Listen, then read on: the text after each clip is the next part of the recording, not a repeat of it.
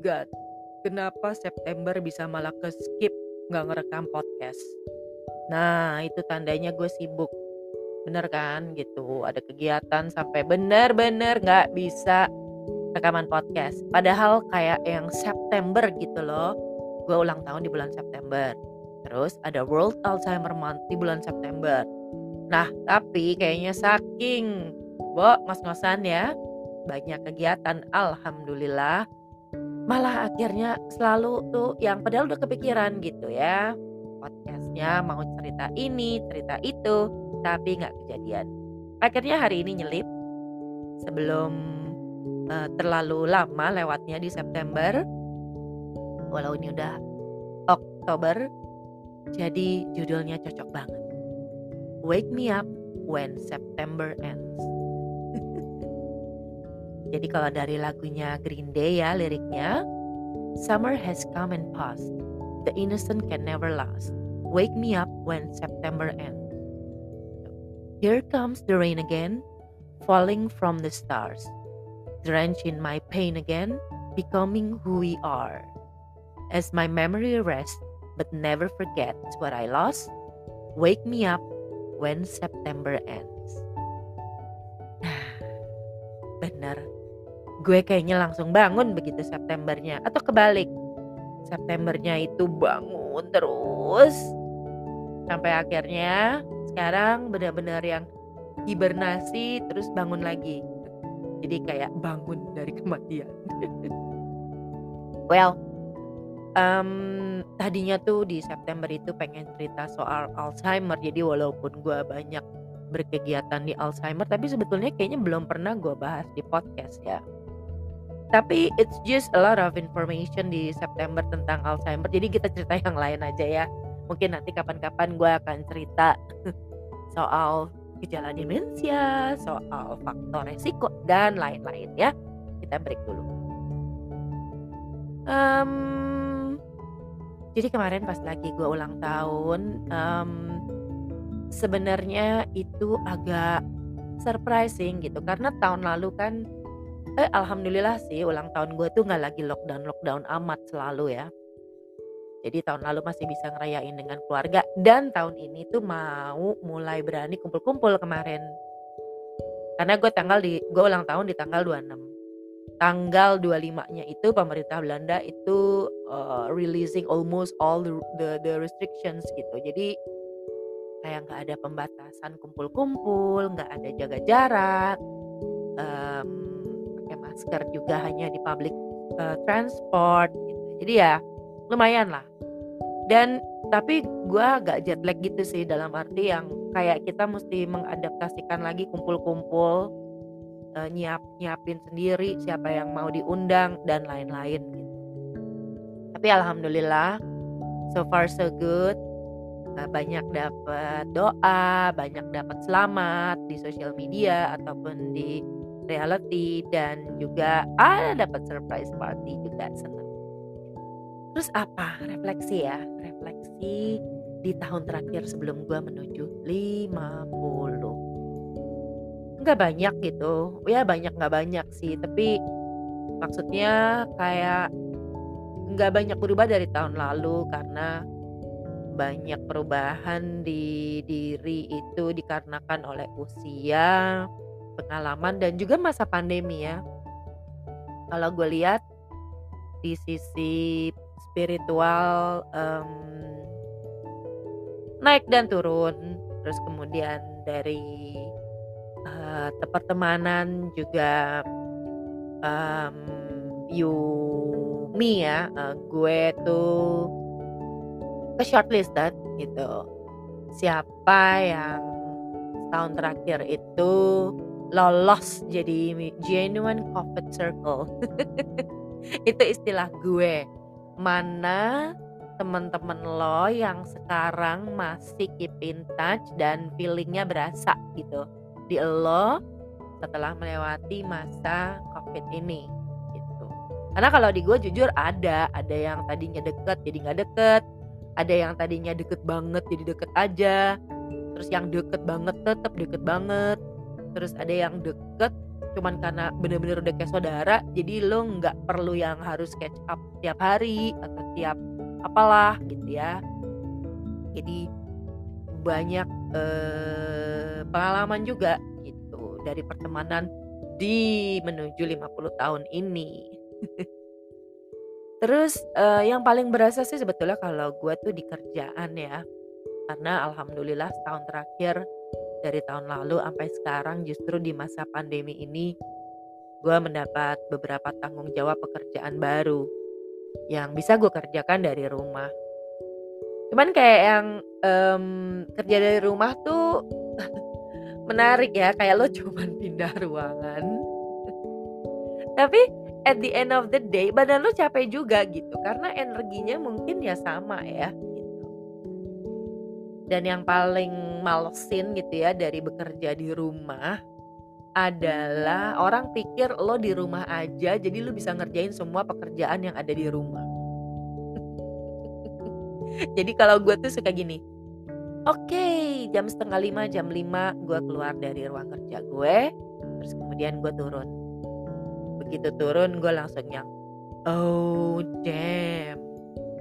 Gue mesti mikir masak apa.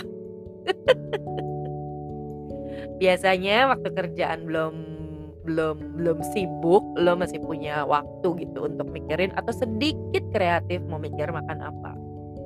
Sekarang tuh gue lagi nggak nggak terlalu banyak mikirin. Itu soal kerja, eee, ada cerita lucu beberapa hari yang lalu. Ini soal bos gue gitu ya. Mungkin salah satunya dengerin nih sekarang bos gue. Tapi yang gue mau ceritain dia nggak bisa bahasa Indonesia, jadi aman ya. Dan lagi pula ini emang emang biasa aja gitu, bukannya gibah ya. Tapi satu hal yang gue baru-baru aja rasain setelah hampir 15 atau 20 tahun gue nggak rasakan, ya, itu adalah dimarahin bos. Jadi gue kemarin dimarahin bos gue. Yang sebetulnya sampai sekarang menurut gue menurut gue gitu ya, itu masih gue nggak nggak 100% terima gitu. Tapi kan, eee, sebagai bos ya lo dulu gitu ya, gue gitu ya, kan kita suka, "Udah deh lo percaya sama gue, kerjain aja," gitu gitu kan. Nah, gue udah lama tuh nggak ada orang yang ngegituin gue. Karena in the last 15 years gitu ya, mungkin gitu more, itu gue entrepreneur gitu. Jadi walaupun gue ada partner yang yang yang bos gue dalam hal jabatan, tapi we're still partners gitu. Jadi feeling-nya tuh kayak ya kayak partner, kayak equal gitu.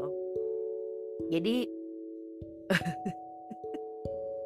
jadi begitu kemarin gue di dimarahin bos gue tuh yang, "Hah?" Gue kaget.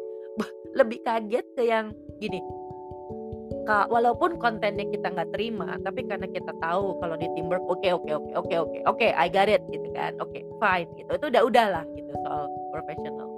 Tapi feeling kaget waktu lo diomelin itu yang, "Hah?" Gitu. Mungkin nggak diomelin ya, dimarahin dengan diperingatkan dengan keras gitu. Itu yang, "Hah?" Gitu. Oh, gila gue udah lama nggak ngerasain kayak gini. Secara gue entrepreneur terus, sampai gue akhirnya cerita ke teman-teman entrepreneur gue. Oke, setelah 15 tahun gue akhirnya ngerasain diingatkan secara keras oleh bos lo. Secara gue nggak pernah punya bos. Dan refleksi dirinya adalah ternyata itu yang anak buah kita rasakan ketika kita mengingatkan mereka secara keras atau kita ngomel dulu. Lo tau nggak? Jadi Mmm, dulu kerjaan gue kan di creative department ya, walaupun akhirnya gue banyak juga di bisnis gitu. Tapi gue berangkat dari creative department yang kalau di advertising kreatif anak kreatif itu kayak kayak rock stars-nya gitu loh, Bo, gitu ya. Nah, yang kasihan tuh AE karena dia itu yang membawa pesan klien, terus kemudian membawanya ke kreatif, terus kliennya nggak cocok ngomelin dia, kreatifnya nggak cocok dengan brief ngomelin dia gitu. Nah itu gue gitu ngerasain sekarang. Which is sebetulnya terakhir-terakhir waktu gue kerja di Indonesia itu juga gue rasakan cuman I own the company gitu ya jadi feeling lo beda nah sekarang terus gue kemarin gue cerita oh ini kayak dulu ya oh gini rasanya jadi AE dimarahin sama kreatif dan dimarahin sama klien. Jadi lo kayak oh ini. Jadi itu termasuk refleksi gue di tahun eh di ulang tahun ini gitu. It's like um, lo ditaro di di sepatu orang yang dulu lo zolimi. Jangan-jangan. Aduh Oke, jadi gue dedikasikan uh, podcast ini kepada AE AE gue tersayang yang gue minta maaf lahir batin uh, kalau dulu mungkin waktu gue masih 20-an uh, gue marah-marah, waktu gue mau umur 30-an gue nasty banget gitu ya. Itu brief gue marah-marahin, itu brief gue celah-celah. Uh, deadline gue omelin terus ide juga kalau uh, anak-anak buah gue kalau ide itu setengah matang itu gue gue apa ya gue hajar supaya dapat ide yang bagus gitu. Jadi jadi moral of the uh, um, apa ya the kejadian gitu kemarin gitu yang gue Terus gue jadi ketawa sendiri gitu, ya ampun ini ya rasanya dulu gue kalau marah-marahin orang. Jadi ya gue minta maaf, gue dedikasikan ini podcast ya untuk kalian yang gue omel-omelin dan gue marah-marahin dan gue sepetin dulu selama kerja sama gue. Gak maksud bo, semoga uh, semua proses itu membuat kita jadi orang lebih baik ya. Gue ngerasa sih gitu semua proses kerja gue di advertising itu bikin gue lebih lebih lebih lengkap ya untuk menghadapi situasi apa pun. Karena um, kerja di advertising dan dengan background orang kreatif itu membuat kita jadi kreatif menghadapi hidup. Dan ternyata creativity itu sekarang nggak hanya mentok di arts atau kreatif um, apa ya bisnis gitu tapi di semua lini kehidupan kita perlu kreatif jadi itu salah satunya itu tuh yang menarik gitu ya. Um, terus apa lagi? Oh iya, setelah hampir satu setengah tahun gue nggak balik lebih kali ya um, gue sekarang bisa memanage dandanan gue. Jadi gue nggak terlalu ke Belanda-Belandaan yang sangat sportif dan siap uh, kehujanan itu ya Jadi gue tetap uh, kangen dengan dan dan dan tante Jaksel. Dan kalau kering itu gue tampilkan di sini supaya gue soulnya itu balik. Itu sih yang gue rasa um, menarik untuk gue refleksi di uh, umur ke-49 dan 360 hmm, Think 360 no think mungkin 358 hari menuju 50 gitu. Um, kebanyakan kayak gitu uh, jadi lebih nyaman dengan diri sendiri lebih banyak melihat um, opportunity untuk menjadi positif jangan toxic positivity karena bisa jadi halu ya uh, apa adanya aja. Karena apa adanya dengan sopan dan jadi orang baik tuh nggak gampang.